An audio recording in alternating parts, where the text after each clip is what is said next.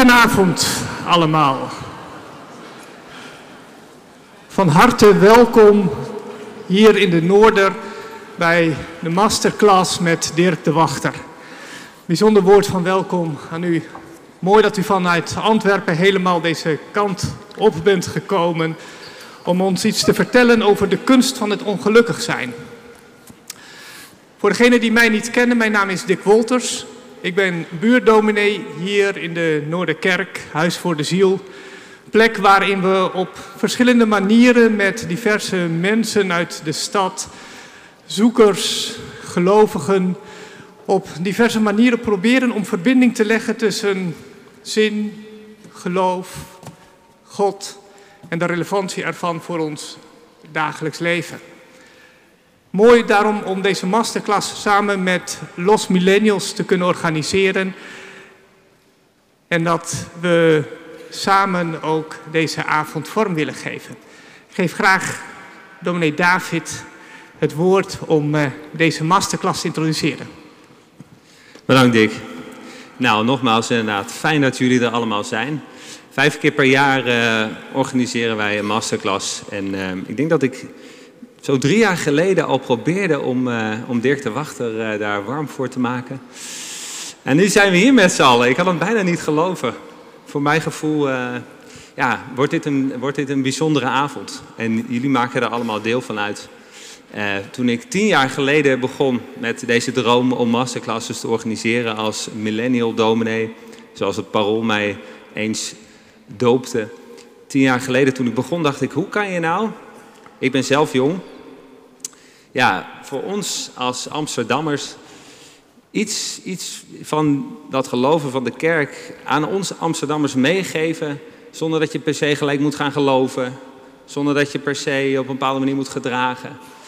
En nou, dat hebben we met val en opstaan, uh, zijn, we die, uh, zijn we op weg gegaan. En nu zitten we hier. En het leuke van deze masterclass is, want dat was mijn droom en dat zie ik ook vanavond weer in vervulling gaan het mooie van deze avonden is dat die droom was dat we hier dus met allemaal heel verschillende soorten mensen zitten. Dus je zitten hier super vurige atheïsten, super spirituele mensen, mensen die in de kerk geboren zijn. Ik heb sowieso het gevoel dat uh, alle deuren hier openstaan. Erg, uh, erg koud, maar we gaan er samen een warme avond van maken. Ik ga natuurlijk uh, het woord aan Dirk te wachten geven. Um, de avond heeft drie onderdelen. De eerste is dat Dirk uh, 45 minuten zijn verhaal vertelt. En als mijn arm omhoog gaat, betekent dat dat hij nog vijf minuten heeft. Ik zou het liefst natuurlijk dan nog even een plaspauze doen, maar dat kan niet met zoveel mensen. Dus doe dat zelf. Uh, het tweede gedeelte is dat ik uh, samen eigenlijk een gesprek zal hebben met, uh, met Dirk te wachten en wat vragen zal stellen. En uh, het laatste gedeelte is dat jullie zelf ook ook vragen mogen stellen. Nou uh, zijn er heel veel mensen. Dirk die kwam hier binnen en er werden al, waren al mensen die hem brieven en dergelijke gaven. Dus niet iedereen kan hem een vraag stellen, maar misschien wel een paar.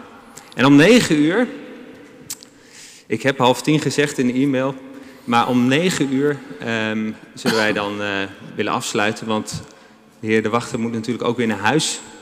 In de taxi, gelukkig, maar toch hij wordt s'avonds gewoon erg snel moe. Dus we gaan om 9 uur stoppen. Ik stop ook met praten. Ik geef u het woord. Dank u wel. En zullen we hem eerst een warm applaus geven.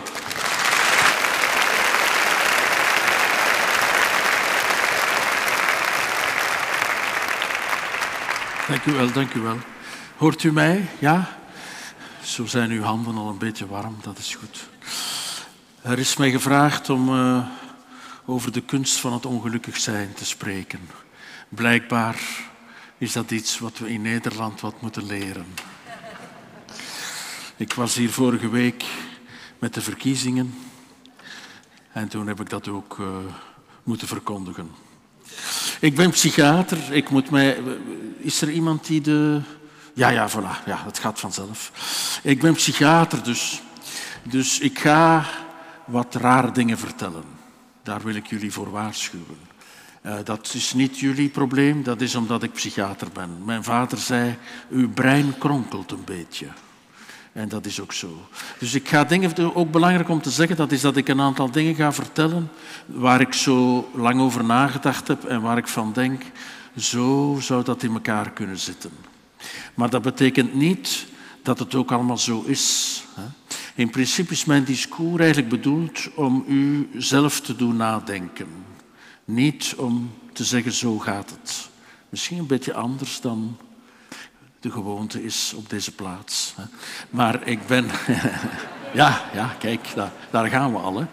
Uh, ik, ik vat dit soort, uh, dit soort lezingen een beetje op als een psychotherapeutisch proces, waarbij dat, uh, ja, ik niet zeg wat u moet doen, maar waarbij ik door een aantal verhalen en een aantal stellingen u zelf probeer te doen nadenken. En dat kan daarom vanavond niet zijn. Als u vanavond thuis komt en uw geliefde vraagt waar ging het over, dan is de kans groot dat u gaat zeggen, ik weet het niet. Ik verstond er niets van.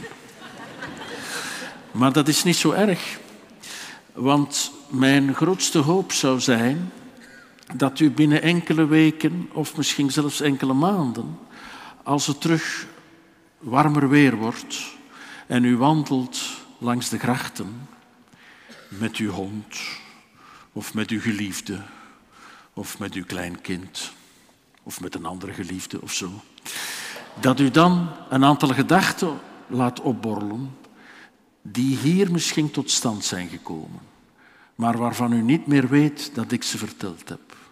Dat zou het beste zijn. Dat zou echt het beste zijn. Dan is mijn missie geslaagd. Maar goed, ik heb een prachtig beroep, het mooiste beroep dat men kan doen, tenminste als men geen andere talenten heeft. Als uh, jongeling kon ik niet voetballen, dat was een beetje erg. Ik was daar een beetje ongelukkig over. Kleine jongens, in Nederland is dat ook zo, denk ik, maar in, in België was dat zo. Kleine jongens willen altijd graag voetballer worden. Er wordt ook heel veel gevoetbald bij kleine jongens. Maar ik was een beetje onhandig met de benen en dus een voetbalcarrière zat er niet in. En daar was ik een beetje ongelukkig over. Ja? En dan daarna, ik werd een beetje groter. En dan dacht ik, ik heb het gevonden, ik wil eigenlijk muzikant worden. Dat vond ik ook fantastisch. Ik, ik, ik zag muzikanten, ik zie... Hè? Dus als dat gelukt was geweest, dan was ik hier vanavond, had ik hier niet gestaan, maar daar. En dan had ik jullie bijvoorbeeld een partita van Bach kunnen aanbieden. Dat was natuurlijk nog wel wat anders geweest. Hè? Maar dat kon ik ook niet. Ik had geen muzikale gehoor. En dus ook dat verlangen moest ik opzij zetten. En daar was ik een beetje ongelukkig over. Zoals een kleine jongen ongelukkig kan zijn. Maar dan dacht ik, ah, wat ik wel goed kon, echt waar, het is een beetje onbescheiden, maar wat ik goed kon, is tekenen. Ik kon goed tekenen, maar echt goed tekenen. Ja, in de klas vonden ze dat altijd prachtig, hoe goed dat ik kon tekenen. En de vrienden van mijn ouders die zeggen, je moet die jongen iets laten doen met tekenen. En dus ging ik op heel jonge leeftijd, ik was maar 17, ging ik naar de academie.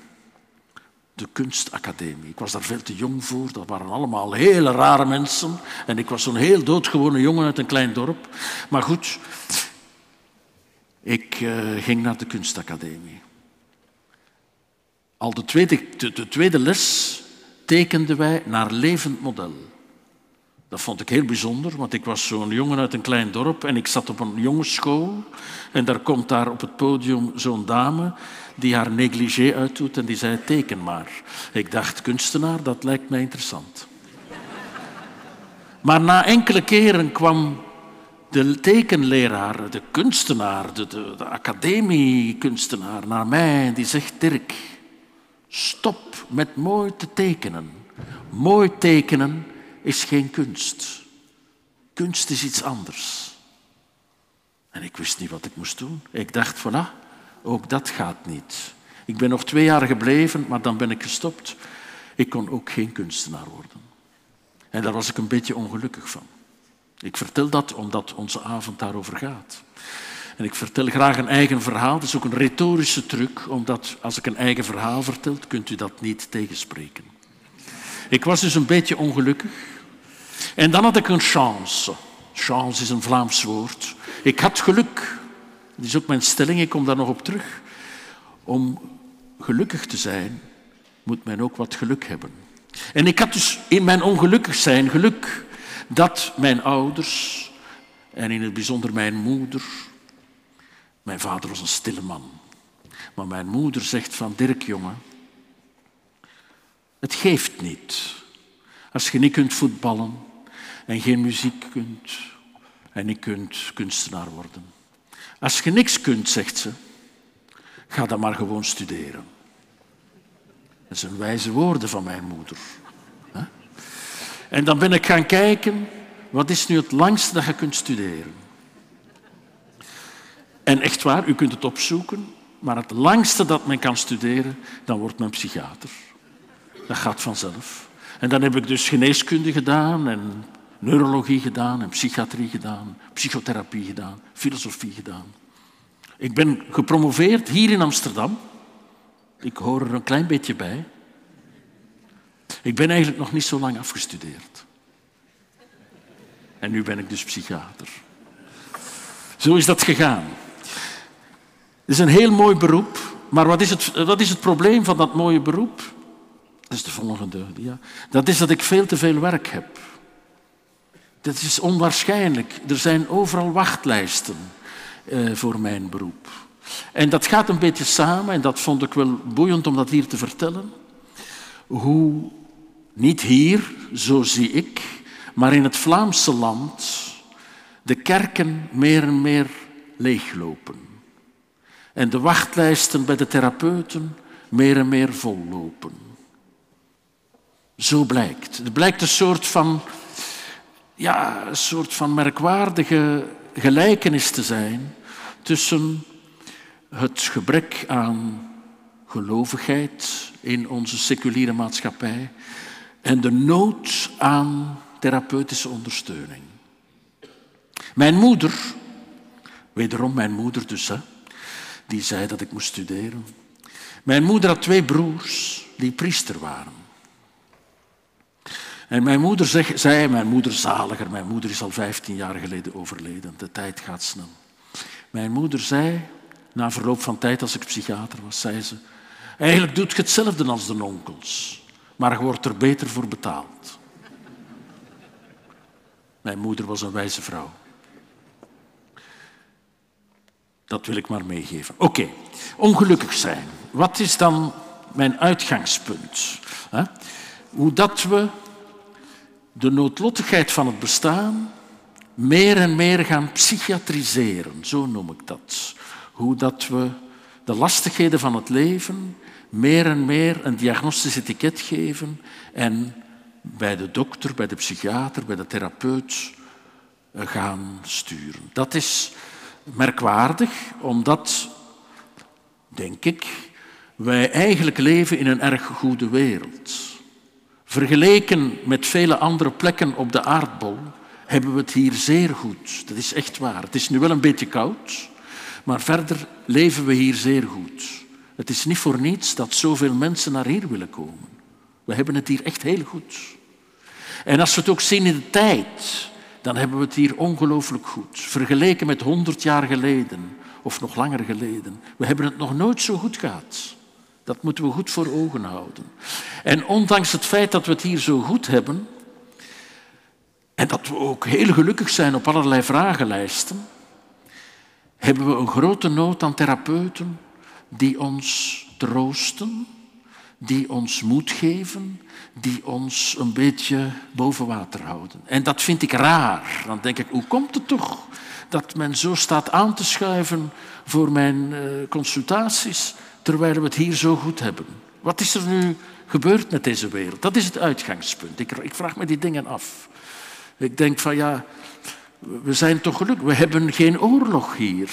We hebben geen honger. De meeste van ons toch niet. Let op, want er zijn ook hier bij ons mensen die honger hebben. Maar de meesten hebben geen honger. De meesten hebben geen oorlog. De meesten kunnen ook naar school gaan. Wat heel belangrijk is.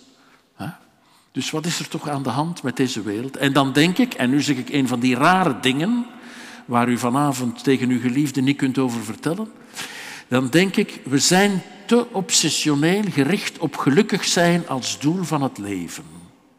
Dat is raar, dat is raar. Want natuurlijk wil ik ook wel een gelukkig mens zijn. Nog erger, ik ben eigenlijk een gelukkig mens. Om de reden die ik gezegd heb. Ja?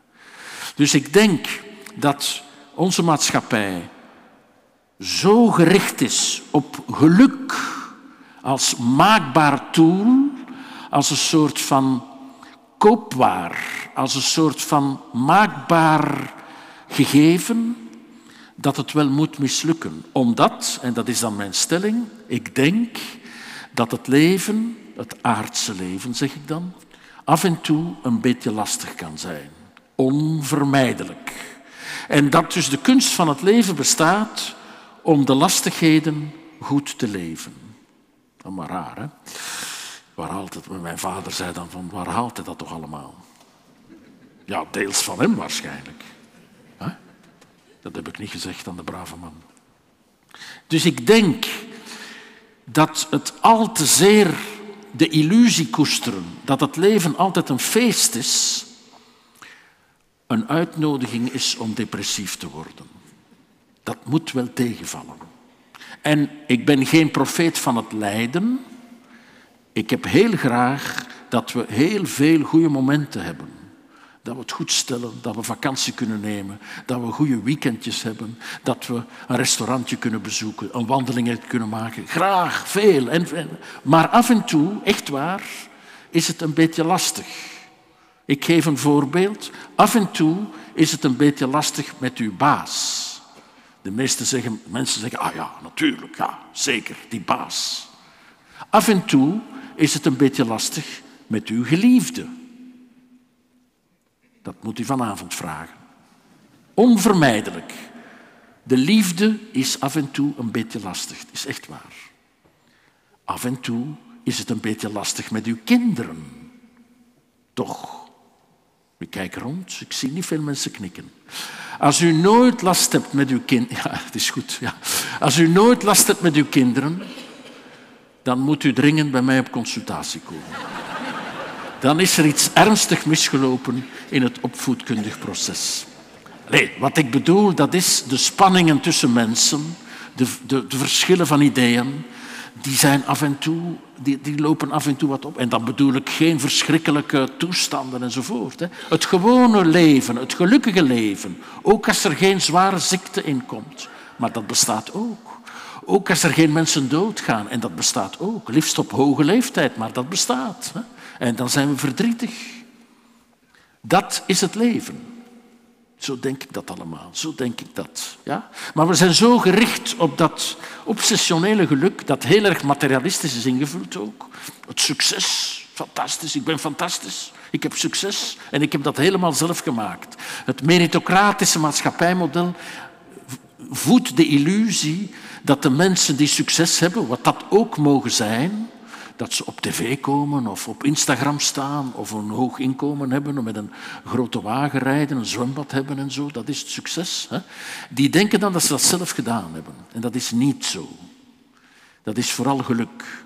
Ik ben een gelukkig mens en dat is vooral geluk. Ik heb dat gekregen. Ik heb dat gekregen van mijn ouders vooral, die mij graag gezien hebben. Dat is een ongelooflijk geluk. En het was gedoe bij ons thuis, hè, met die onkels, priesters en al dat gedoe, natuurlijk. Ja. Natuurlijk was het gedoe, maar toch ben ik graag gezien en dat is een groot geluk. Ik had daar niet voor ingetekend, dat is mij overkomen.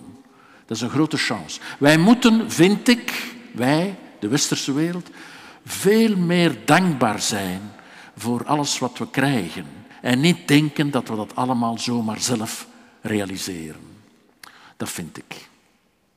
Maar dat mag u vergeten en binnen enkele maanden in uw wandeling langs de grachten herinneren zonder aan mij te denken. Ja? Want wat is natuurlijk het probleem?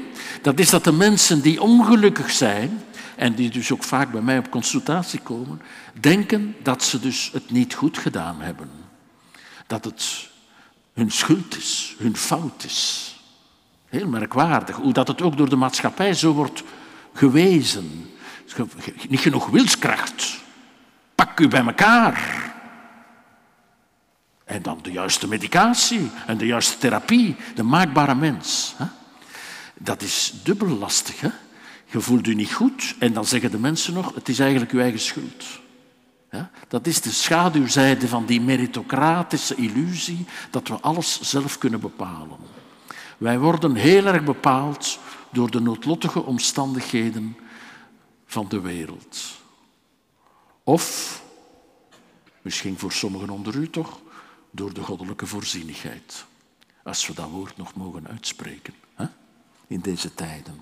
Dus mijn stelling is volgende. Laat ons alsjeblieft een beetje ongelukkig zijn. Je zou denken, dat is een triestige affaire. Wat zit die man toch te zeggen dat we ongelukkig moeten zijn? En nu ga ik dat helemaal omdraaien.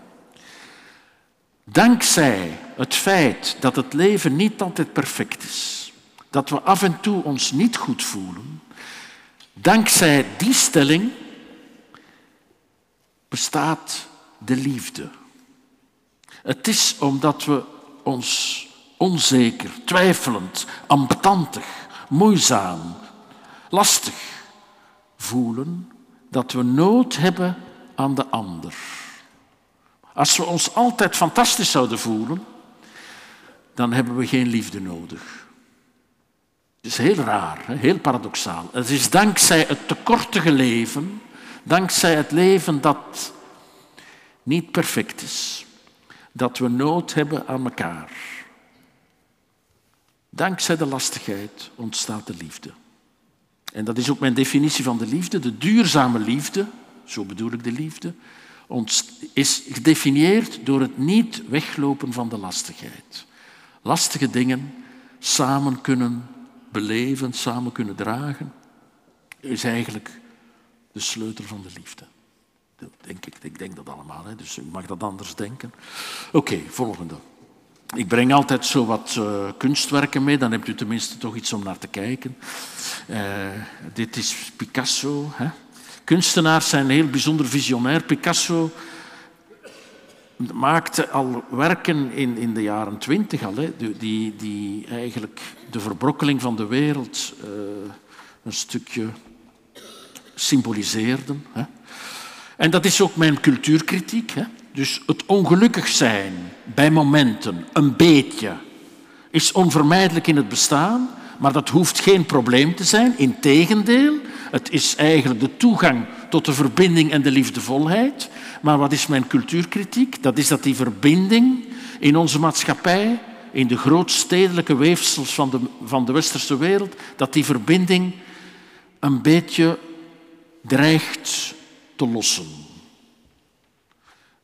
De Franse schrijver Michel Houellebecq spreekt over les particules élémentaires, elementaire deeltjes. Dat de verbinding tussen mensen, die essentieel is voor de menselijkheid, zo denk ik, dat die in het grootstedelijke weefsel dreigt te lossen. Dat wij, dus een beetje apocalyptisch gezegd hoor, maar dat wij allemaal dreigen te eindigen in onze eigen kleine studio met een diepvriesmaaltijd en een Facebook-account. Waarbij we de ander alleen maar ontmoeten in afscherming. Hoe gaat het?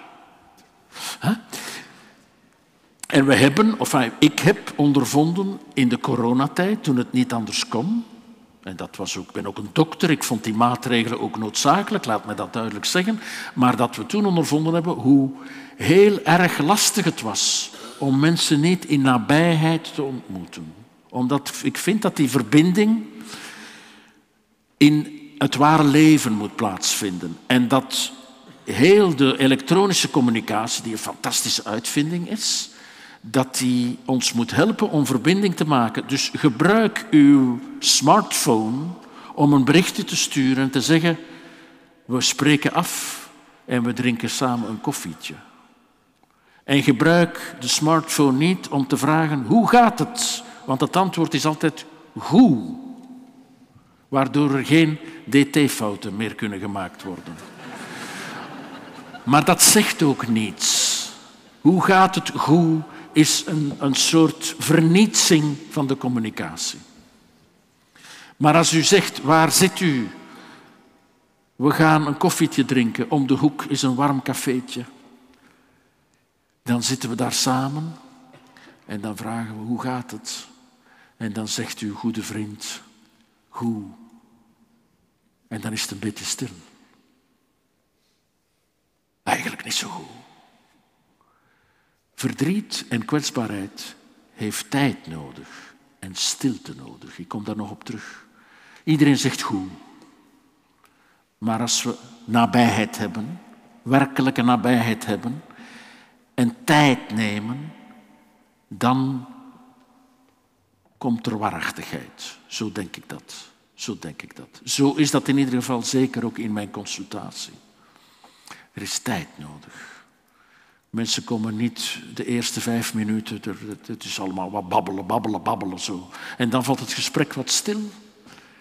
En dan gaat het waar het echt over moet gaan. Dat is het grote verschil tussen een psychiater en een journalist. Het is na de feitelijkheden van het verhaal dat het eigenlijke, belangrijke eigenlijk van pas komt. Met alle respect voor de journalisten natuurlijk ook. Het verhaal is ook belangrijk. Hè? Maar het is eigenlijk voorbij het verhaal dat wij werken.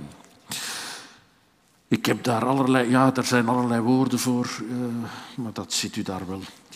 Dat is voor uh, universitaire faculteiten, over de Leuze en Derrida, weet u wel. Dat gaan we niet te veel doen. De volgende, de volgende, dat wil ik wel eventjes vertellen. Als jonge man, kijk, ik kwam uit een heel katholieke familie. En in de jaren zeventig was het wel een beetje zoeken in de seculiere wereld. Wat is dat hier allemaal met de goddelijkheid en al dat gedoe zo? Ja? Als ik dat hier mag vertellen. Met die nonkels, priesters, die ik zeer tot de dag van vandaag heel erg uh, bewonder en heel erg apprecieer. En ik was op zoek naar wat is het bestaan en ik zocht dat, dat was toen erg in de mode, bij de existentiefilosofen. Camus, de Beauvoir en Jean-Paul Sartre. En ik las bij Sartre op het einde van Wicklow, het toneelstuk Wicklow. L'enfer, c'est les autres. En ik dacht, ik ben het daar niet mee eens. En nog altijd vandaag ben ik daar niet mee eens. Ik denk, ik vertaal het voor u, l'enfer, c'est le manque de l'autre. De hel, zegt Sartre, dat zijn de anderen. De medemens is eigenlijk de duivel voor u. En dan denk ik, ik ben niet akkoord. De hel, dat is niemand hebben. De hel is bij het ongelukkig zijn, bij het verdriet, bij de moeilijkheden, niemand hebben. Dat is denk ik de hel. Zo denk ik. En u mag het anders denken. En nu moet ik ook een onderscheid maken tussen de eenzaamheid en niemand hebben en de alleenigheid. Ik gebruik het woord alleenigheid, ik gebruik zo graag wat andere woorden, omdat daar ook lenigheid in zit. Er zijn best wel mensen die alleen wonen, maar die goed verbonden zijn en die terecht kunnen. En die bij hun verdriet en hun lastigheid wel best een, een, stem vinden. En, dat is het goede nieuws, maar het slechte nieuws dat is dat mensen soms in gezinnen, in relaties, in op het eerste zicht goede verbindingen niemand hebben om mee te spreken als het echt moeilijk is. Dat blijkt uit nogal wat onderzoek, ook in Nederland, dat ook jonge mensen in de bloei van hun leven, twintigers en zo, een gevoel hebben van er is niemand tegen wie ik echt kan spreken. Ik zie dat ook vaak in mijn consultatie, dat mensen komen en dat ze een verhaal vertellen waarvan ik denk van, ja, dat is mooi dat u dat goed vertelt, maar hebt u nog nooit aan iemand verteld? Nee, dokter, dat heb ik nog nooit aan iemand durven vertellen. Een verhaal dat niks zo speciaal is, hoor. Over verdriet, over lastigheden, over moeilijkheden. Dat durf ik, dat kan ik, dat wil ik aan niemand vertellen. Alleen tegen een hoog opgeleide professional tegen betaling. Dat is een van de oorzaken van de lange wachtlijsten, denk ik. Dus mijn oproep ook hier, dat is, laten we alstublieft een beetje meer mekaars psychiater zijn.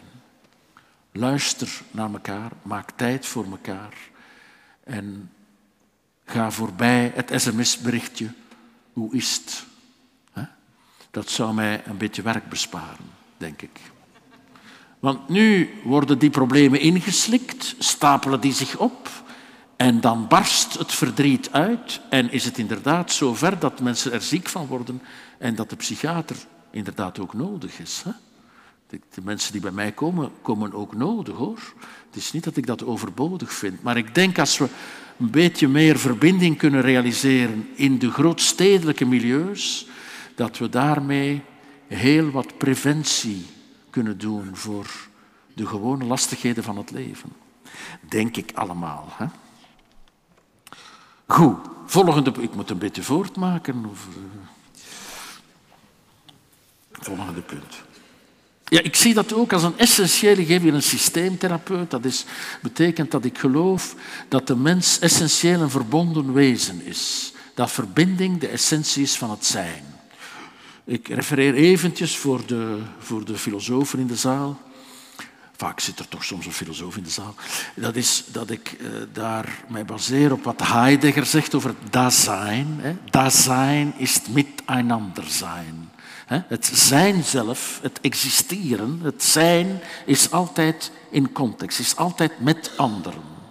Het is het met anderen dat het echte zijn is. En als we dus uit die anderen getrokken worden door ziekte, door, door eenzaamheid, door, door breuken, door door verschil van opvattingen, door verschil van kleur en culturen. Als we losgerukt worden uit het sociale weefsel, dan dreigen we ook te ontmenselijken, te deshumaniseren. De menselijkheid komt door de blik van de ander. Dat zegt de Franse filosoof Levinas, waar ik nog op terugkom. Ik ben niet op mijzelf, ik word. Ik word bemenst, ik mens niet vanzelf. Ik word bemenst nu hier door u. Doordat u luistert, of toch doet alsof, word ik bemenst. Dat, mijn menselijkheid ontstaat doordat u hier bent. Echt waar. Ja. Als ik hier alleen zou staan, er was niemand, dan zou ik mij ontmenselijkend voelen. En er zijn nogal wat mensen alleen. Dat is een groot probleem in de grootstedelijke uh, wereld. In Brussel, ik heb geen statistieken over Nederland, maar in Brussel, uh, in België, worden elke dag drie mensen begraven waar niemand aanwezig is. Dus zij worden een uitvaart. Gelukkig leven we in een, in een beetje, op dat gebied een beetje beschaafd land en gaat de overheid daar een, een kleine een kleine uh, uitvaartplechtigheid doen, zo. heel beperkt en klein, maar goed. Hè. Maar drie mensen elke dag, duizend mensen op jaarbasis in Brussel, waar geen buurman, geen familielid, geen vriend, geen verre kennis, niemand aanwezig is. Dat vind ik problematisch. Daar wil ik iets aan doen. Uh, en wat is nu een prachtig initiatief? Ik ben ook graag altijd een beetje hoopvol in die dingen. Dat is dat er een aantal dichters, poëten, het initiatief genomen hebben in, in Vlaanderen om daar aanwezig te zijn. Ze gaan opzoeken waar een uitvaart, een, een eenzame uitvaart, zo noemen we dat, is. En ze gaan daar een gedicht voordragen voor die mens die verder niemand rondom zich heeft. Dat is heel mooi. Dat is heel mooi. Dat is heel hoopvol ook, dat zulke dingen bestaan, opgemerkt worden en bestaan. Oké, okay. vervlakking. Dit is, uh, ja, voor, voor die Picasso moet u naar Parijs. Ik geef ook altijd graag een beetje reisadvies. Moet u naar Parijs, de Musée Picasso. Uh, voilà, dat, dat, is de moeite waard. Hè. Voor uh, dit schilderij, Ceci n'est pas une pipe, van René Magritte, kunt u naar Brussel. Ook aangenaam. Dus voilà, met, het, met de TGV. U kunt zelfs, als, als u een beetje meer tijd hebt, eerst naar Brussel en dan naar Parijs. Dezelfde TGV. En dan combineert u deze twee kunstwerken. Ceci n'est pas une pub. De volgende is Ceci n'est pas une personne. Wat is het probleem? Een beetje en eventjes toch het probleem van de psychiatrie. Ik ben psychiater, ik ben kritisch over mijn vak. Dat is dat het ongelukkig zijn van de mens dat eigen is aan het leven, bij momenten, dat dat in de psychiatrie wordt gereduceerd tot een hersenprobleem. En dat de dokter dus de juiste medicatie moet voorschrijven, zodanig dat dat ongelukkig zijn weg is. Ik maak het een beetje karikaturaal, maar dat dreigt. De psychiatrie dreigt helemaal te versmallen tot een neurobiologische wetenschap die geen rekening meer houdt tot, dat is de volgende dia, met de complexiteit van de mens, die inderdaad wel een ingewikkeld orgaan als de hersenen moet bestuderen, uiteraard. Ik ben ook neuroloog nog, hè. Ik denk dat ik dat wel weet. Maar die toch ook moet rekening houden met de psychologische dimensie van de mens. Wij zijn verhalen, wij worden verteld en wij vertellen. Dus de psychiater moet niet alleen de medicatie goed beheersen en vaker ook afschaffen dan geven, maar hij moet ook goed, of zij moet ook goed luisteren. Mijn vak betekent goed luisteren. En er is nog een vakje boven, dat noem ik de filosofie. Dit heb ik ook allemaal zelf niet uitgevonden. Van alles wat ik vertel, heb ik bijna niks zelf uitgevonden. Dat is allemaal gekregen. Ja, dat is maar om, omdat u niet zou denken, amai, wat heeft die man toch allemaal bedacht. Het is allemaal gekregen. Uh, de filosofie, dat onderscheidt ons van onze vrienden de dieren. Ja? Uh, de dieren zijn, hebben, hebben meer taligheid dan dat we vroeger dachten. Uh, de Nederlandse onderzoeker De Waal heeft dat heel goed bewezen. Die dieren staan veel dichter bij ons dan dat we denken. Maar het filosofisch denken, namelijk het metadenken, is eigen aan de mens, zo denk ik. En heel erg belangrijk, daarom vertel ik dat ook, voor het menselijk zijn. De mens, in tegenstelling tot de dieren, beseft zijn eindigheid. De mens in zijn opgroeien komt tot de constatatie na verloop van tijd dat hij gaat doodgaan na een tijdje. Wij beseffen onze sterfelijkheid. Heidegger zegt daarover zum Tode sein. Da zijn is zum Tode sein. Wij weten dat we hier maar tijdelijk op deze aarde zijn en daarom vinden we dat het hier betekenis moet hebben. Dat we zinvol willen bestaan. Dat is anders dan de dieren. Die leven vanzelfig. Die zeggen van, voilà, we leven. En ze trekken zich daar verder niet te veel van aan. Als u een hond heeft, dan moet u dat vanavond eens vragen. Wat is de zin van het bestaan? En de hond zal zeggen. Huh? Gewoon. Maar de mens kan dat niet. De mens heeft nood aan zin en betekenis. Dus mijn stelling ook weer die u mocht tegenspreken. Hè. En ik denk, wederom denk ik, dat de zin en betekenis bestaat in het zorgzaam voor elkaar zijn. Dat denk ik.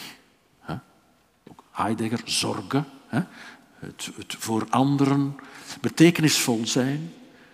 Iets kunnen doen voor de medemens. Dat is de waarachtigheid van het bestaan. Denk ik, denk ik. Hè.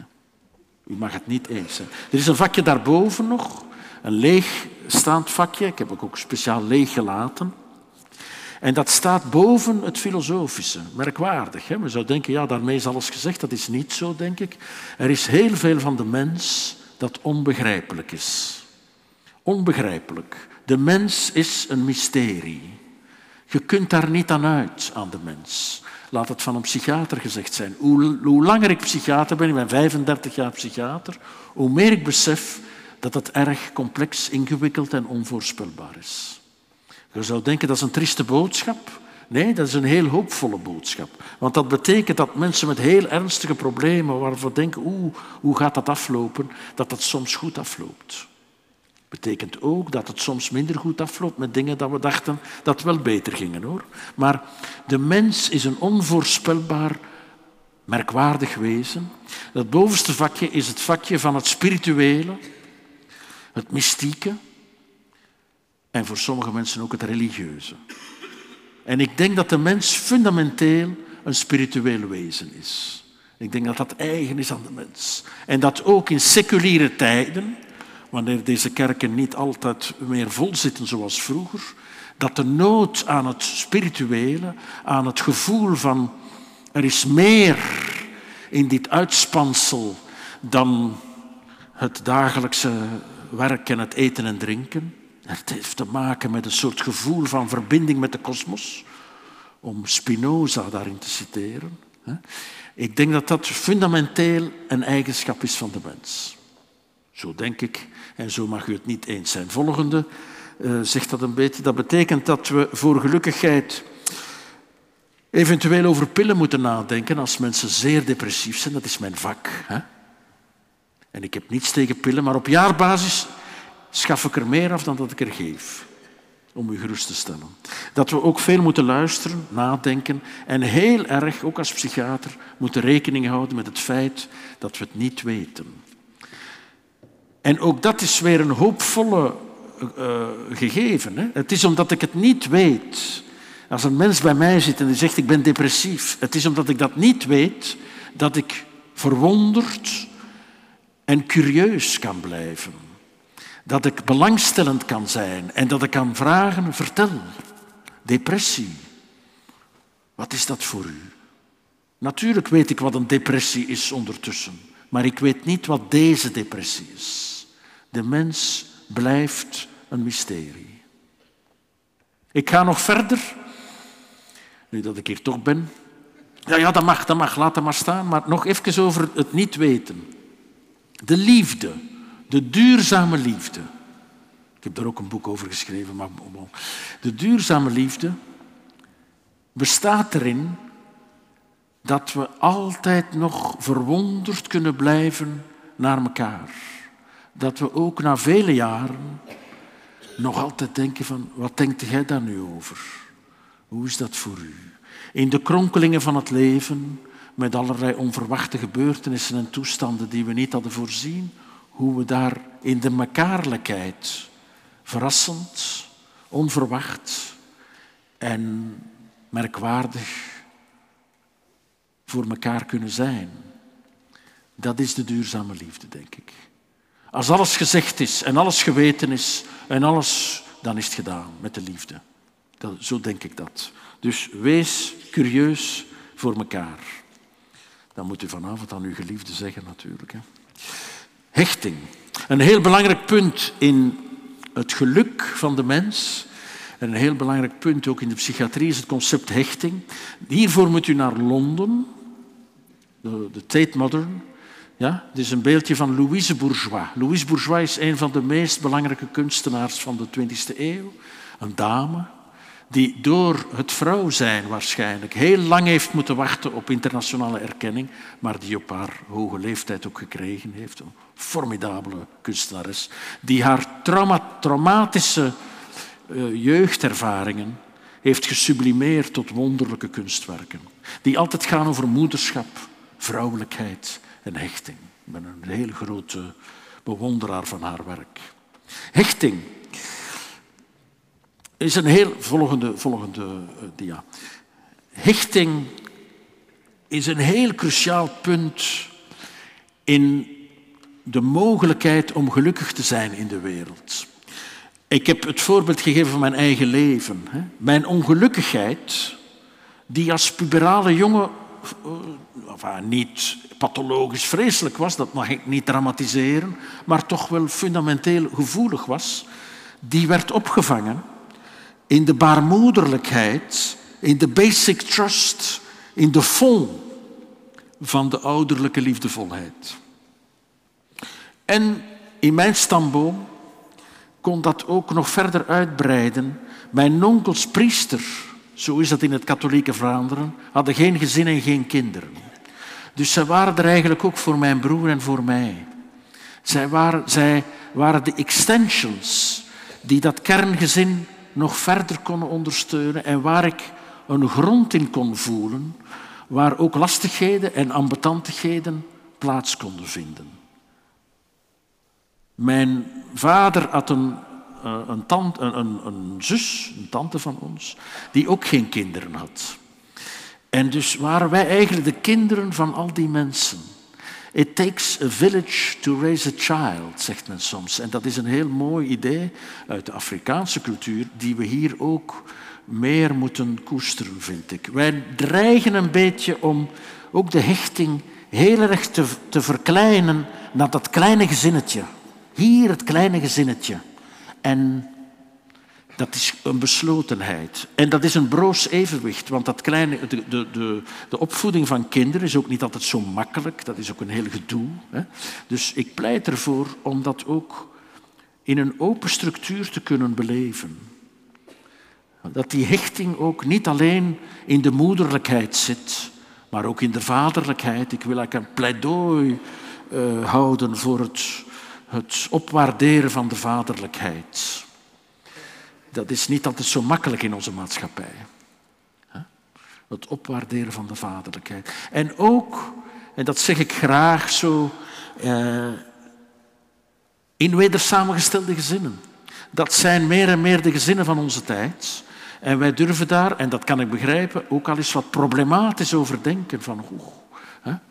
Wel, ik heb ondertussen nogal wat onderzoek gezien waaruit dat blijkt dat een wedersamengesteld gezin voor de outcome en de opvoeding van kinderen niet slechter is dan een primair gezin, op voorwaarde dat de hechting, de verticale verbindingen tussen ouders en kinderen stevig, liefdevol bewaard is. Dus laat grote mensen maar doen wat ze niet kunnen laten, zeg ik dan altijd. En nieuwe keuzes maken als dat moet of kan. Maar zorg voor uw kinderen. Ik probeer een heel weinig oordelende mens te zijn. Dat vind ik ook nodig als psychiater. Niet te oordelen, zeker niet veroordelen. Maar er is één punt waar ik nogal moralistisch ben eigenlijk. Dat is zorg voor uw kinderen. Dat, ja, mijn vrouw zegt dan, als ik dat soms, als, zeker in, in als ik lange, verre buitenlandse reizen maak, dan is mijn vrouw er soms bij en dan uh, zit ze soms in de zaal. Dan zegt ze, zorg goed voor uw kinderen. Ja, dat had ik ook wel kunnen bedenken. Had je daar zo lang voor moeten studeren? Het is ook altijd goed om een partner te hebben die u met de voeten op de grond houdt. Dus inderdaad, maar het, het is, ze heeft natuurlijk gelijk. Dat is zo evident. Dat is zo van alle tijden en alle culturen en overal en waar. Waarom moet ik dat hier vertellen eigenlijk? En toch is dat een heel moeilijk punt in heel onze cultuur ook. De hechting tussen ouders en kinderen. En dan gaat het niet alleen over wedersamengestelde gezinnen of gescheiden gezinnen. Dan gaat het ook over primaire gezinnen van mensen die niet goed voor hun kinderen zorgen. Die te veel bezig zijn met zichzelf, met hun carrière, met hun fantastisch zijn. Of met een gevecht tegen elkaar en die hun kinderen daarin betrekken enzovoort. Dat, dat is wel echt een bron, een heel ernstige bron van ongelukkigheid. Zie ik in mijn praktijk, waar mensen vertellen over hun depressie, over hun moeilijkheden, over hun lastigheden, en waar we teruggaand naar hun kinderjaren heel vaak ernstige kwetsuren vinden en moeilijkheden. En daar, dat is ook belangrijk in dat concept hechting, dat is een fluid concept ook. Dat ook niet lineair kausaal noemen we dat is, maar dat ook altijd weer opnieuw terug kan hersteld worden. In het hier en nu. En mijn werk bestaat er ook in om op zoek te gaan naar hechtingsplekken en hechtingsfiguren die een beetje ondergesneeuwd en vergeten zijn waar mensen die geen goede thuis gehad hebben, om dat zo te zeggen, toch altijd wel figuren kunnen vinden in hun ontwikkeling. Zeg, ja, maar bij mijn grootmoeder, daar kon ik wel terecht. Als papa weer dronken thuis kwam en als mama begon te wenen enzovoort. U kent die verhalen. Maar dan kon ik terecht bij mijn grootmoeder. En daar kreeg ik een vers gebakken wafeltje of zo. Of er was een lieve buurvrouw daar konden we goed terecht. Er was een goede juf op school. Er was een, een trainer van de voetbalploeg. En noem maar op. Er was een meester op school. Er was een oom en een tante. En daar kon ik in de vakantie naartoe. We, we zoeken naar hoopvolle hechtingsfiguren die we in het hier en nu kunnen, kunnen terug aanwezig maken om zo in het netwerk van mensen rondom u terug verbindingen te maken. Want het gaat altijd, altijd, altijd over verbindingen. Ook als de hechtingspunten erg uh, ja, gekwetst zijn door de geschiedenis. Volgende punt. Taal. Spreken. Uh, ja, dit is iets verder. Dit is Hopper. Hè. Hiervoor moet u naar New York. Dus ecologisch een beetje minder verantwoord, maar, maar bon. Uh, naar de Whitney Museum of Art. Ja? Uh, Hopper is een van de grote schilders van de 20e eeuw van de Verenigde Staten. En hij was eigenlijk de schilder van de eenzaamheid. En hij bewijst hier met dit schilderij dat eenzaamheid ook geen kwestie is van alleen zijn, want het is een echtpaar, met, die zijn met twee en die zijn heel erg alleen. Hij was ook een schilder van de, van de triestigheid. Prachtige schilder, fantastisch mooie werken over eenzaamheid. Heel, heel merkwaardig is hoe het vrouwelijke personage in zijn trieste schilderijen, dat dat zijn eigen vrouw was. Merkwaardig. Ja. Maar goed, taal. Wij zijn sprekende lijven. Dat is eigen aan ons mens zijn. Wij zijn lichamen die spreken. En het is erg belangrijk, ik heb er daar straks al een beetje uh, allusie op gemaakt, dat de nabijheid die wij nodig hebben om verbinding te maken, dat we die ook lijfelijk kunnen beleven. Ik denk dat aanraking essentieel is voor het menselijk zijn. Dat streling essentieel is voor het menselijk zijn. Dat we elkaar moeten vastpakken. Dat durf ik zo zeggen. We hebben dat nogmaals heel erg ondervonden in de coronatijd. Hè? Waarin dat we afstand moesten houden, geen handen mochten geven. Ook in mijn consultatietijd. Waarin in het ziekenhuis mensen zijn gestorven achter een plastieke scherm. Zonder dat er iemand nabij mocht zijn. Dat is verschrikkelijk. Het was, was nodig enzovoort, maar dat is verschrikkelijk. Ja? Dus we hebben daar geleerd, we wisten het al, maar we hebben het daar gevoeld, hoe aanraking zo belangrijk is in die menselijkheid. In Nederland, jullie kunnen wel een klein beetje tegen een kritische noot, zo hoop ik nu. In Nederland spreekt men van huidhonger. Maar dat vind ik zo cannibalistisch. Dus ik spreek liever van strelingstreven. U hoeft elkaar niet te bijten. Strelingstreven. Ik heb dat zelf ondervonden. Kijk, ik ben erg ziek geweest. Ik heb daar ook een boek over geschreven. En ik ontwaakte uit de anesthesie na, na een zeer zware operatieve ingreep. En ik, ik was heel, heel slecht.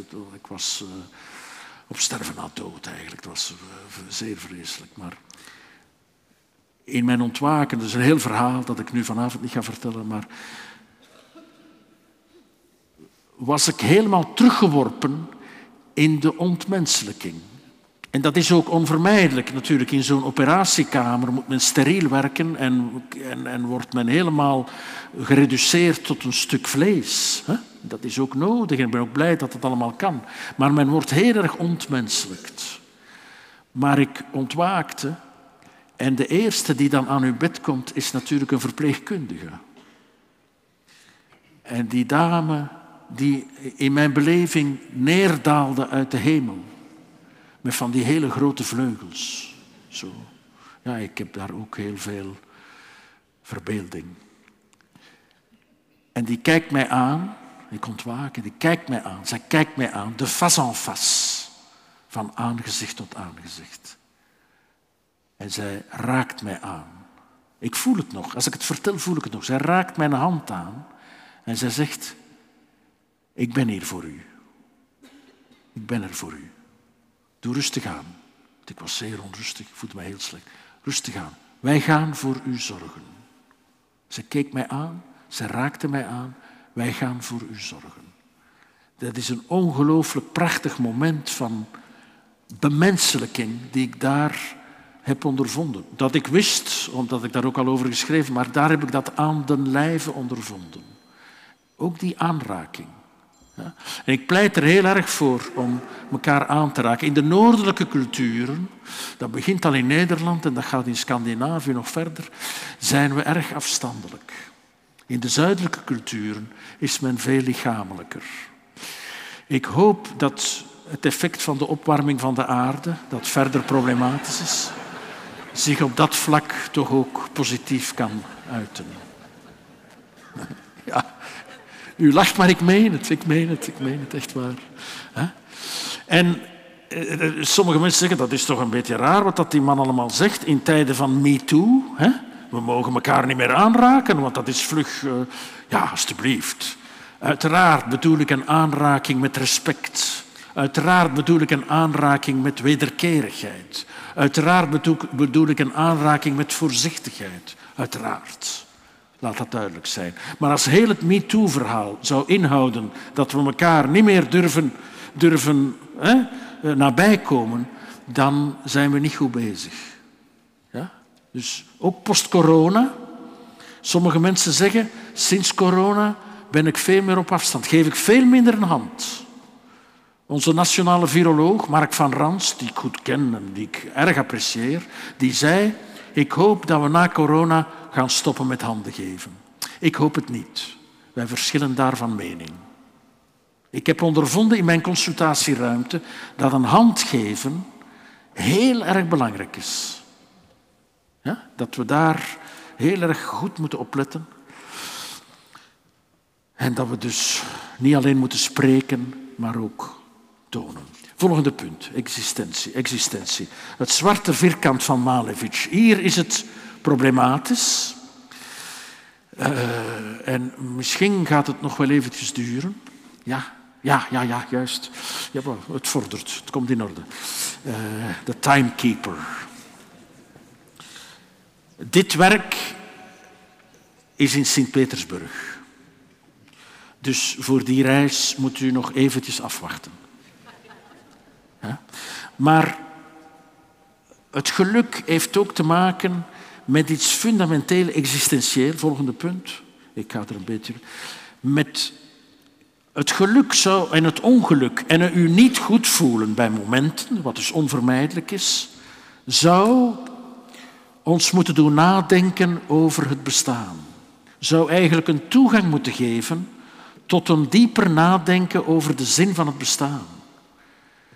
En wij dreigen, wij, onze westerse wereld, dreigt dat juist niet te doen. En als we ons ongelukkig voelen, dan gaan we middelen zoeken om dat ongeluk af te wenden en te verdoven. In leukigheid, in consumptionisme en zelfs ook in drank en drugs en in allerlei geneesmiddelen. Ik, maak daar, ik, ik spreek daar van de donutering van het bestaan. Dat is een woord dat niet bestaat, vandaar dat ik het u uh, meegeef. De donutering bedoel ik de metafoor van de donut. Er is in het midden een gat in de donut. En dat gat zou ons moeten kunnen doen nadenken over de diepere zin van het bestaan. Wat is dat hier voor een merkwaardig gedoe, dit bestaan? Maar we doen dat niet. We gaan in plaats van na te denken over het gat en oplossingen te vinden in zorgzaamheid en verbinding, gaan we kleurrijke suikers aanbrengen op de rand van de donut. Verslavende, kleurrijke suikers. En het gat wordt altijd maar groter. Een beetje dramatisch uitgedrukt, maar dat is de donutering van het bestaan. Dus we moeten durven tijd nemen, zoals gezegd, geduldig zijn. En dan komt de essentie. Dat is dat we moeten kunnen wachten. Dat zwarten ohne erwartung, zegt Heidegger weer. Dat vond ik wel goed gevonden, omdat, zoals u weet, mijn naam is de wachter. Ik dacht altijd, het is een heel banale, doodgewone naam zo. Waar ik trouwens geen verdiensten heb, want mijn vader heette ook zo. En zijn vader ook.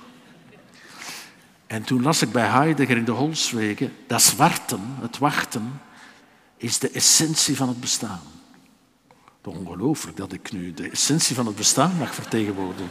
Ik vond dat heel, heel bijzonder eigenlijk. Volgende punt, we gaan een beetje aan voorbij. Stilte. Dit is ook New York. Ja, Dus, uh, maar daar kunt u gemakkelijker naartoe dan naar Sint-Petersburg. En dit is, ik breng dat natuurlijk ook speciaal mee voor, voor u. Hè? Omdat ik toch ook een Nederlandse kunstenaar wou. wou? Piet Mondriaan. Zijn laatste werk stond op de ezel van zijn, uh, van zijn atelier toen hij overleed. Uh, en ik moet erbij zeggen, er zitten soms heel pintere mensen in de zaal die niet erg luisteren naar wat ik zeg, maar daarom breng ik die plaatjes mee, en die mij zeggen, professor, het werk van Mondriaan staat omgekeerd. Dat blijkt zo, dus ik zeg het maar, het moet omgekeerd. Het is een beetje hetzelfde dan hoor. Maar, uh, maar wat wil ik hiermee zeggen? Wij leven in zeer lawaaierige tijden en wij hebben nood aan stilte, aan rust, aan minder prikkeling, aan minder gedoe. We moeten af en toe, nee, meer en meer, onze smartphone op vliegtuigstand zetten, maar we moeten minder vliegen. Dat is mijn raad ook. Dus minder vliegen, maar meer vliegtuigstand. De smartphone thuis laten en dus afspreken met een goede vriend om een koffietje te drinken en stil te zijn. Of een wandelingetje, maar dat helpt ook goed. Dat is voor de stilte. De stilte is niet zo makkelijk. Wij hebben het niet makkelijk met stilte. Ook als iemand verdriet heeft en moeilijkheden heeft, dan willen wij babbelen, babbelen, babbelen en goede raad geven. Geef nooit goede raad. Dat wordt niet goed verdragen. Wees stil en luister. En wacht. Stilte is essentieel om de ongelukkigheid te kunnen verbinden. De waarachtige verbinding tussen mensen ontstaat in de stilte. En wat heel goed is om te stil te zijn, dat is gaan wandelen. Als je zo over elkaar zit aan een tafeltje of zonder tafeltje, is de stilte soms ambetantig. Dan, dan voelt dat lastig en dan willen we babbelen over of over goede raad. Dat is niet altijd goed, goed gepast. Dus gaan wandelen, we hebben dat ook gezien met de coronatijd. Toen mochten we mensen niet in, in de psychiatrie, mensen niet thuis bezoeken, want dat was een gevaar voor infectie. En dus gingen we wandelen, op straat wandelen, met een beetje afstand zo. En dan hebben we geleerd dat stil zijn veel gemakkelijker was. We wandelen langs de straten, in de parken, in de bossen. En zo kunnen we rustig stil zijn.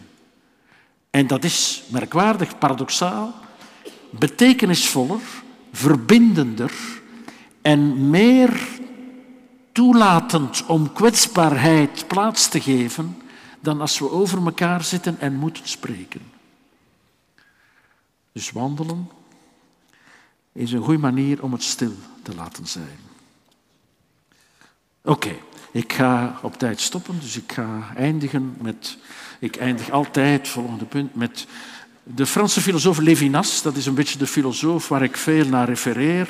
Ik moet altijd waarschuwen, lees Levinas niet. Het is onbegrijpelijk, volkomen niet te volgen. Het zijn hele lange zinnen, men vindt het punt niet terug. Uh, in vertaling is het altijd onbegrijpelijk en onmogelijk, in het Frans ook. Dus lees het niet, maar het is bijzonder interessant. Heel raar hoe dat, dat gaat. Dus uh, ik heb het geluk gehad om een aantal van die teksten, ook van Heidegger trouwens, te kunnen lezen met uh, grote filosofen. Mijn goede, goede vriend, de filosoof Sam IJsseling, een Nederlander trouwens, die uh, professor was in Leuven. Daar heb ik heel, heel veel van geleerd op gebied van filosofie. Dingen waar ik niks van verstond. En als hij dat uitlegt, dan verstond ik dat. Als ik het nu teruglees, versta ik het weer niet. Maar ik heb wat hij gezegd heeft toch een beetje proberen samen te vatten. Het kleine goede, dat is de essentie. In het ongelukkig zijn, verbinding maken in de blik, in de aanraking, in de nabijheid, in de woorden, in het mystieke en in de act van het kleine goede. Het adjectief klein, en ik vertaal het en ik maak er mijn eigen eenvoudige woorden van. Het adjectief klein in de kleine goedheid is betekenisvol en wijst op het concrete en het bescheiden karakter van deze goedheid. Het gaat om een goedheid die zich in heel concrete omstandigheden van de ene mens tegenover de andere mens voltrekt, zonder een organisatorische structuur in te roepen. Dat is erg belangrijk, omdat wij vaak vinden dat er van alles misloopt in de wereld. En dan vinden wij dat anderen dat moeten oplossen. De politici moeten dat oplossen. De zakenmensen moeten dat oplossen. De vakbonden moeten dat oplossen. Ja? De migranten moeten het oplossen. De vluchtelingen moeten het oplossen. De Chinezen moeten het oplossen. De Palestijnen, de Joden moeten het oplossen. En wij, wat zegt dat kleine goede? Wat kan ik doen? Zeggen mensen, ja, maar wat kan ik doen? Wie ben ik nu? Ik ben maar niks, ik ben maar gewoon, ik ben maar klein. Ja, maar dat is het juist, dat is het juist, dat is de paradox. De kleine goedheid heeft niet de pretentie een totale goedheid te zijn en structuren te vervangen. Zij wil niet alles oplossen, maar enkel één heel concrete daad van goedheid stellen ten opzichte van één welbepaalde nood, van één welbepaalde ander. De kleine goedheid is de goedheid van de nederige mens die in het besef van zijn eindigheid zijn hoogmoed achter zich laat. En bescheiden en spaarzaam een beetje hulp biedt. De kleine goedheid, en daarmee eindig ik, kiest voor een partiële, een voorlopige, maar een heel reële daad van barmhartigheid tegenover de unieke ander. Ik dank u zeer.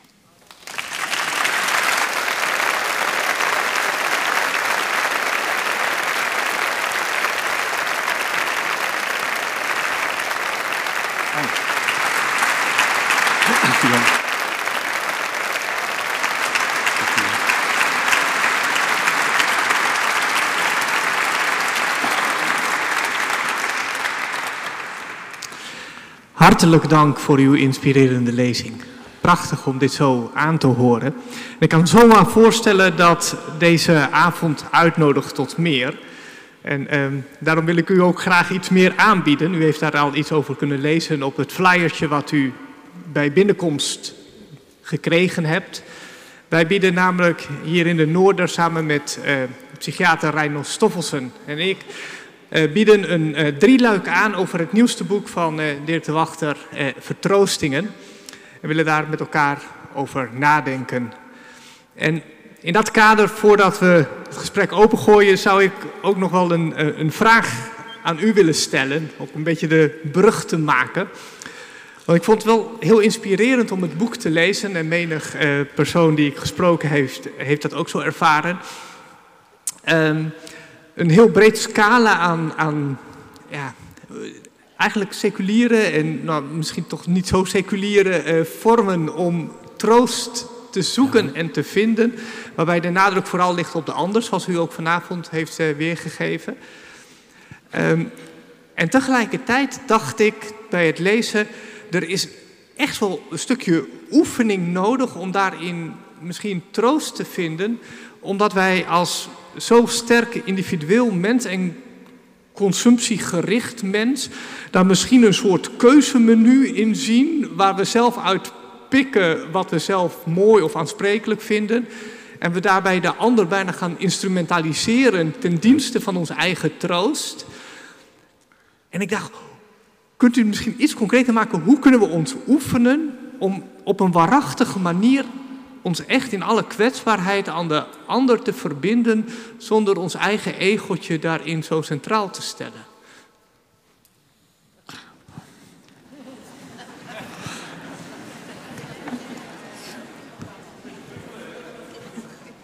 Ja, ik ben natuurlijk niet de man van de tips en tricks. Hè. Ik geef, zoals gezegd, een aantal gedachten mee waar iedereen zijn eigen verhaal kan rondmaken. Maar ik denk, ik heb zelf ondervonden toen ik op mijn ziekbed lag en eh, het was, heel, het was echt niet goed met mij. Hè? En ik heb een tijdje ook niet kunnen werken enzovoort. Maar wat heeft mij het meest getroost? Wat heeft mij, ik kan alleen maar vertellen dat het voor mij geweldig heeft mij het meest getroost, dat is dat ik heb mijn verhaal dan gedaan. Eerst was dat in een, in een interview in een bekende krant in, in Vlaanderen. En dat is dan heel vlug rondgegaan en zo. En wat mij troostte, dat is dat heel veel mensen daarin getroost waren. Dat mensen dus mijn verhaal, mijn persoonlijke verhaal, aangrepen om te zeggen, ik herkende daar veel van, terwijl het soms totaal andere verhalen waren. En dat heeft mij zo goed gedaan. Nou, dat deed mij goed. Hè? Dus gewoon van betekenis zijn. Dus dat ik...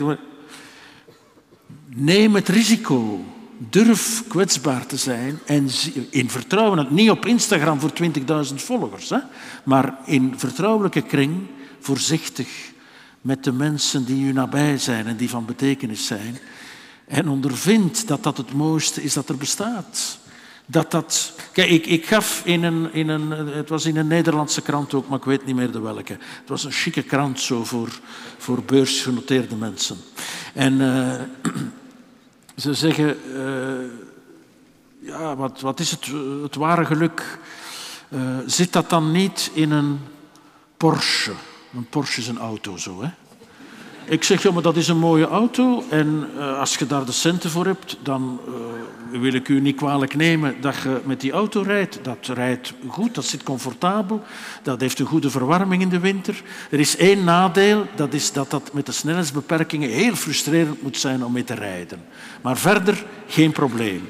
Maar het ware geluk zit hem niet, denk ik, in het dus in eerste versnelling op de autostrade rijden, omdat je niet harder mocht rijden, maar met genoegen te rijden. Maar dat is langs de straat rijden en zien hoe er een oude meneer gevallen is, uw Porsche parkeren, uitstappen, die mens recht helpen, hem een arm geven en tot aan zijn huis delegeren verder rijden, thuiskomen en zeggen, ah wel, ik heb vandaag iets kunnen doen voor iemand. Dat is veel fundamenteler dan die materiële dingen, die ik ook niet, want ik wil dat ook allemaal niet overdrijven, die, ik wil het materiële ook niet wegduwen. Wel, we moeten, moeten ook niet overdrijven. Maar goed, ik, ik, ik, ik gun iedereen een goed, rijkelijk leven, ook op materieel vlak. Maar de essentie zit hem in de zorgzaamheid. En dat doen en dat ondervinden bewijst het. Niet omdat ik dat zeg, maar omdat mensen dat ondervinden. Het voor iemand van betekenis zijn geeft een fundamenteel gevoel van waarachtigheid en geluk dat niet met materiële dingen is te vergelijken. Denk als ik, als ik daarop uh, door mag uh, vragen. Ja. Ik zat nu inderdaad even te denken aan de jonge mensen zoals ik, die veel hebben, die hard carrière maken en misschien moeilijk naar deze boodschap kunnen luisteren, omdat ze midden in, die, in dat geloof zitten dat ze in hun eentje dat allemaal kunnen of moeten. Zijn die mensen nog te redden? Zijn, zijn die mensen nog te redden? Maar natuurlijk, kijk, de, de, de, de jeugd is. Ik zie heel veel engagement bij jonge mensen. Ik zie bijvoorbeeld, en dat was iets dat in mijn jonge tijd niet bestond, heel die bekommernis voor de klimaattoestanden enzovoort. Maar ook, ik zie, we hebben in Antwerpen een scoutsgroep voor mensen met een handicap waar heel veel jonge mensen zich engageren om daar van alles voor te doen. Ik zie op de universiteit wat we noemen de Mindmates, waar dus oudere studenten zorgen voor jongere studenten die niet goed hun weg vinden. Ik zie heel veel vrijwilligers. Eh, er is heel veel. En natuurlijk moeten daar de juiste taal voor vinden. En ik heb daar heel veel geluk gehad. Heel veel jonge mensen lezen mijn boeken niet. Uh, dat blijkt zo. Hoe vind je die taal? Maar dat is, ja, wat is er dan gebeurd? Ik zit niet op al die social media. Ik heb, ik heb geen Facebook en geen Instagram en geen Twitter en al dat, dat gedoe. Ik heb dat allemaal niet. Interesseert mij ook niet. Maar dat wordt voor mij gedaan. En ik zie hoe dat met kleine filmpjes die mensen dat op hun op hun eigen account zetten. En, dus als je de taal vindt van jonge mensen. En ik heb dan een heel groot geluk gehad dat ik tot tweemaal toe ben gesampled op de platen van de grootste uh, hip-hop artiest van Vlaanderen, namelijk Zwangere Guy. En hier in Nederland door Stix. Dus ja, mijn taal wordt, wordt in de jeugdcultuur ingebed en krijgt daar heel veel respons. Dus ik ben absoluut niet pessimistisch over eh, het engagement van jonge mensen. Absoluut niet. Nee. En wat ik zelf ook veel jonge mensen hoor zeggen is: oké, ik wil wel die ander lief hebben en dienen, maar ik moet mezelf ook lief kunnen hebben. Kan, ja, dat kan, is, het, kan het een zonder het ander? Ja, dat is een hele goede vraag. En daar heb ik juist nog uh, een radioprogramma over gedaan in, in Vlaanderen, waar heel veel responses op geweest is. Er is heel veel er is een hele wereld van coaching om het zelf me-time en zo. En, en ik vind dat eigenlijk contraproductief. Ik vind dat we al zoveel ikkigheid hebben, dat nog eens gaan kijken hoe kan ik nog meer voor mezelf zorgen, nog meer. Ik denk dat de waarachtige zelfzorg in de blik van de ander verschijnt. Dat we met anderen in zorgzaam, liefdevol samen stil zijn en naast elkaar zijn en, enzovoort, dat we daarin goed voor onszelf zorgen. Ons terugtrekken uit de wereld en dan gaan nadenken van wat wil ik allemaal doen, dat kan tijdelijk nodig zijn, als het allemaal wat veel is. Ik wil dat ook niet overdrijven. Tijdelijk. Reculer pour mieux sauter, zeggen we in het Frans.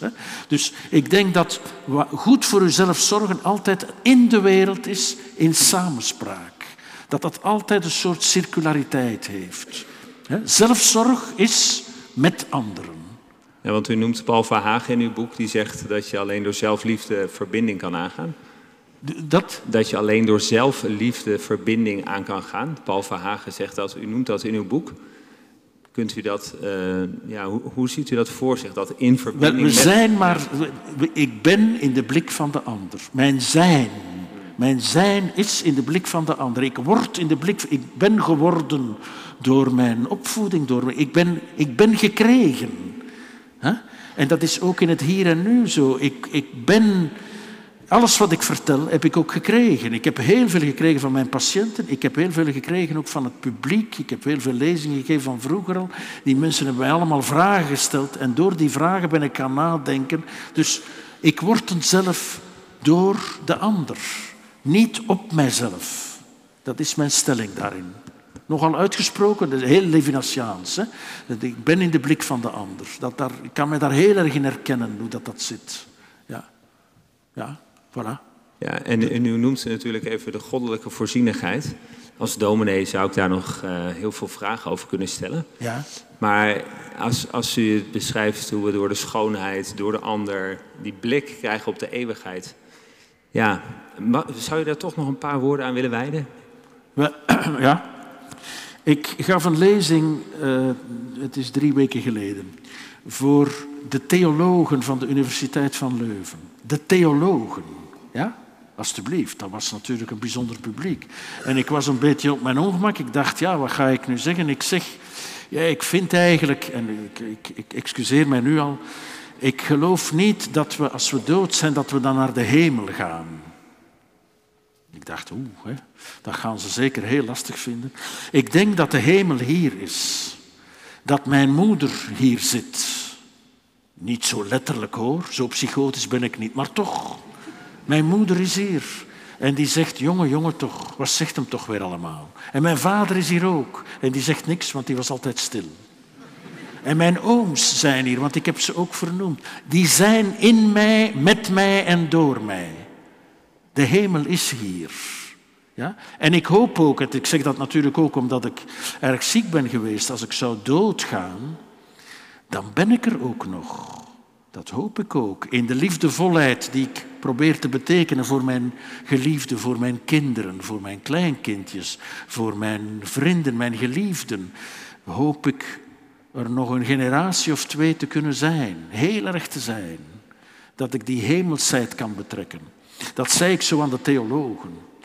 En ik dacht, excuseer mij, maar er stond een theoloog recht, een man van leeftijd, en die zegt, Lucas 17, 20, 21. Ja, u weet natuurlijk wat dat is, maar ik zal het uitleggen.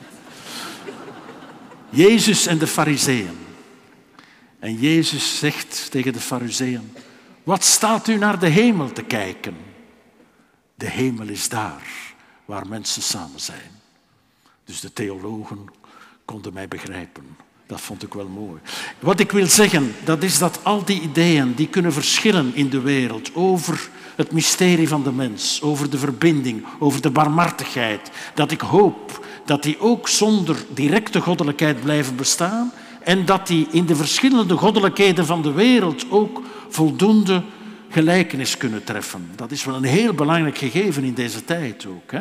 En dat we ons niet kneuterig vastklampen aan onze werkelijkheid als enige mogelijke. Dat wens ik.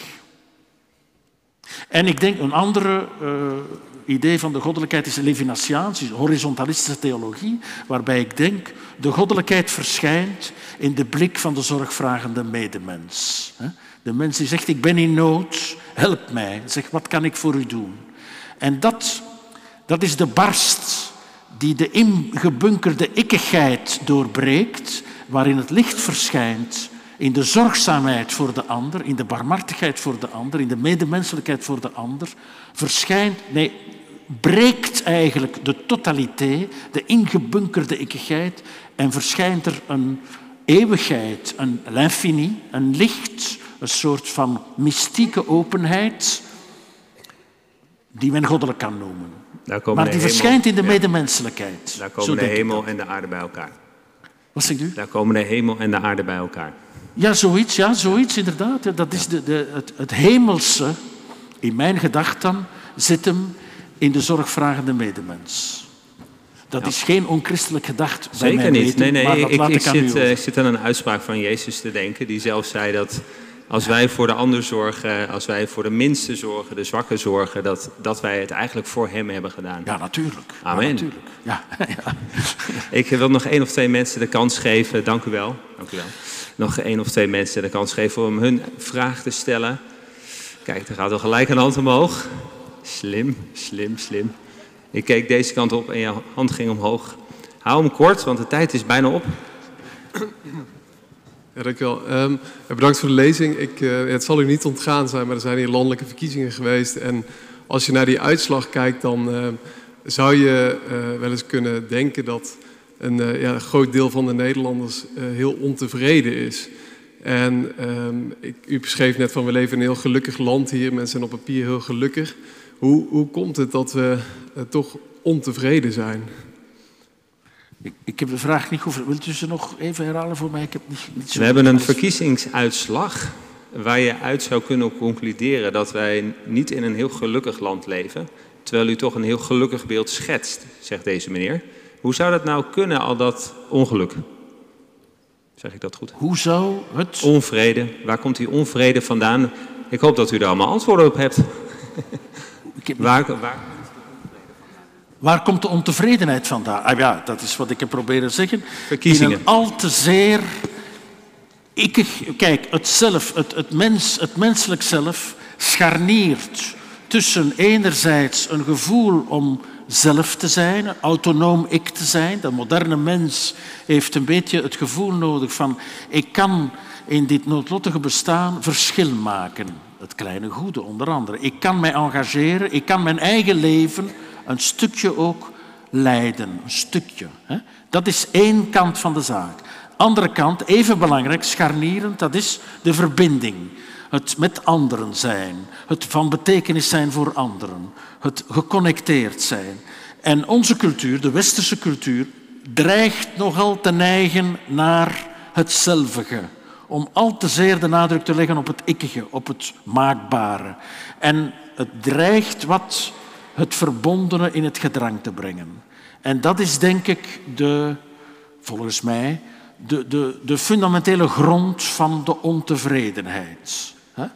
Want als we goed verbonden zijn, dan kunnen we de onvermijdelijke ongelukkigheden van het leven, die nooit opgelost zullen zijn, die eigen zijn aan het menselijk bestaan, kunnen we die goed dragen, omdat we liefhebbend met elkaar zijn. Als dat niet is en we zitten alleen, en er lopen dingen mis, dan gaan we heel vlug in een soort van ontgoochelende ledigheid terechtkomen. Zo denk ik. Dat is de donut. Dat is het gat van de donut. Zo denk ik dat. Voilà. Het is uh, bijna negen uur. Dat betekent uh, ja, dat ik een aantal mensen misschien teleur moet stellen omdat we toch gaan afsluiten nu. Maar dat betekent dat u op tijd in uw taxi kunt gaan zitten. ik wil u uh, heel erg graag bedanken van deze plek. En nu ook het een en ander natuurlijk geven. Anne-Claire die gaat u een bos bloemen geven. Ik wil een paar mensen bedanken, zoals Joke en Nelleke en de Koster, mijn collega dominee, alle vrijwilligers om deze avond mogelijk te maken. Ik loop even naar mijn uh, goodie bag. Voordat ik dat doe en u bedank, uh, wil ik natuurlijk ook nog zeggen dat wij uh, deze masterclasses organiseren. En uh, je kan daaraan bijdragen. Jullie zijn hier allemaal kosteloos gekomen, dus je mag hier ook kosteloos weer weg. maar als je een vrijwillige bijdrage wil geven, staat er op, jou, uh, op dit A4'tje, of sorry, het flyertje wat je hebt gehad, een uh, QR-code. En dat is van harte aanbevolen, want deze avond kost ook geld. En dan kunnen we ermee doorgaan. Dus dat is de collecte. Ehm, ik wil graag nog de volgende masterclass bij jullie aanbevelen. Zet hier een QR-code op ik wil jullie graag de volgende masterclass aanbevelen. Dat is over twee maandjes. Het staat ook hierop natuurlijk. Ik heb uh, een uh, andere hoogleraar kunnen strikken uit de lage landen. Hij, uh, hij, heeft er heel veel zin in. Hij heeft een boek geschreven over stress. Stress, vriend of vijand. Hij is gepromoveerd en heeft zich verdiept in antidepressiva. En hij stelt eigenlijk de vraag, leven wij nu in een in steeds zwaarder wordende tijd? En is dat de reden waarom er zoveel stress is en burn-out? Of zou stress behalve een vijand ook een vriend kunnen zijn? Ik zou het heel leuk vinden om jullie daar over twee maandjes ook uh, weer welkom te heten, hier zo in dit, gebouw. In dit gebouw.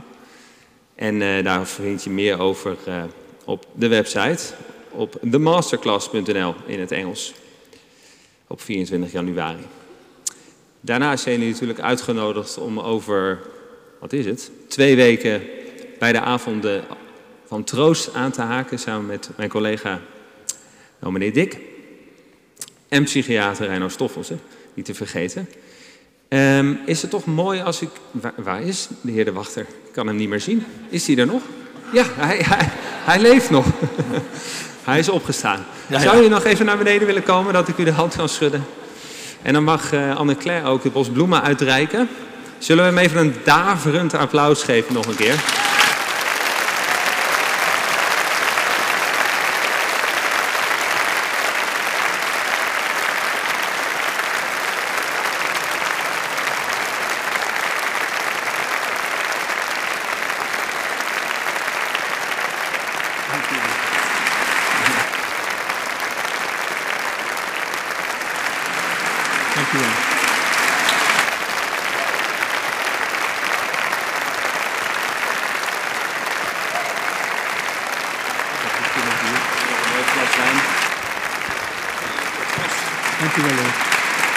Ja, mensen gaan staan. Ga vooral staan. Ik heb hier een prachtige fles wijn. Ik ga toch even onze sponsor noemen, mensen. Dirk mag trouwens als eerste zo meteen naar buiten, dus heel even wachten nog. Great District, Amsterdamse winkelketen. Koop daar je wijn. Deze is voor u. Onze hipstertas is ook voor u. En natuurlijk mijn boek. Nou, heel hartelijk dank. Okay. En uh, wij hopen tot ziens. Jazeker, ja. Zullen wij hem onder een applaus naar buiten laten gaan?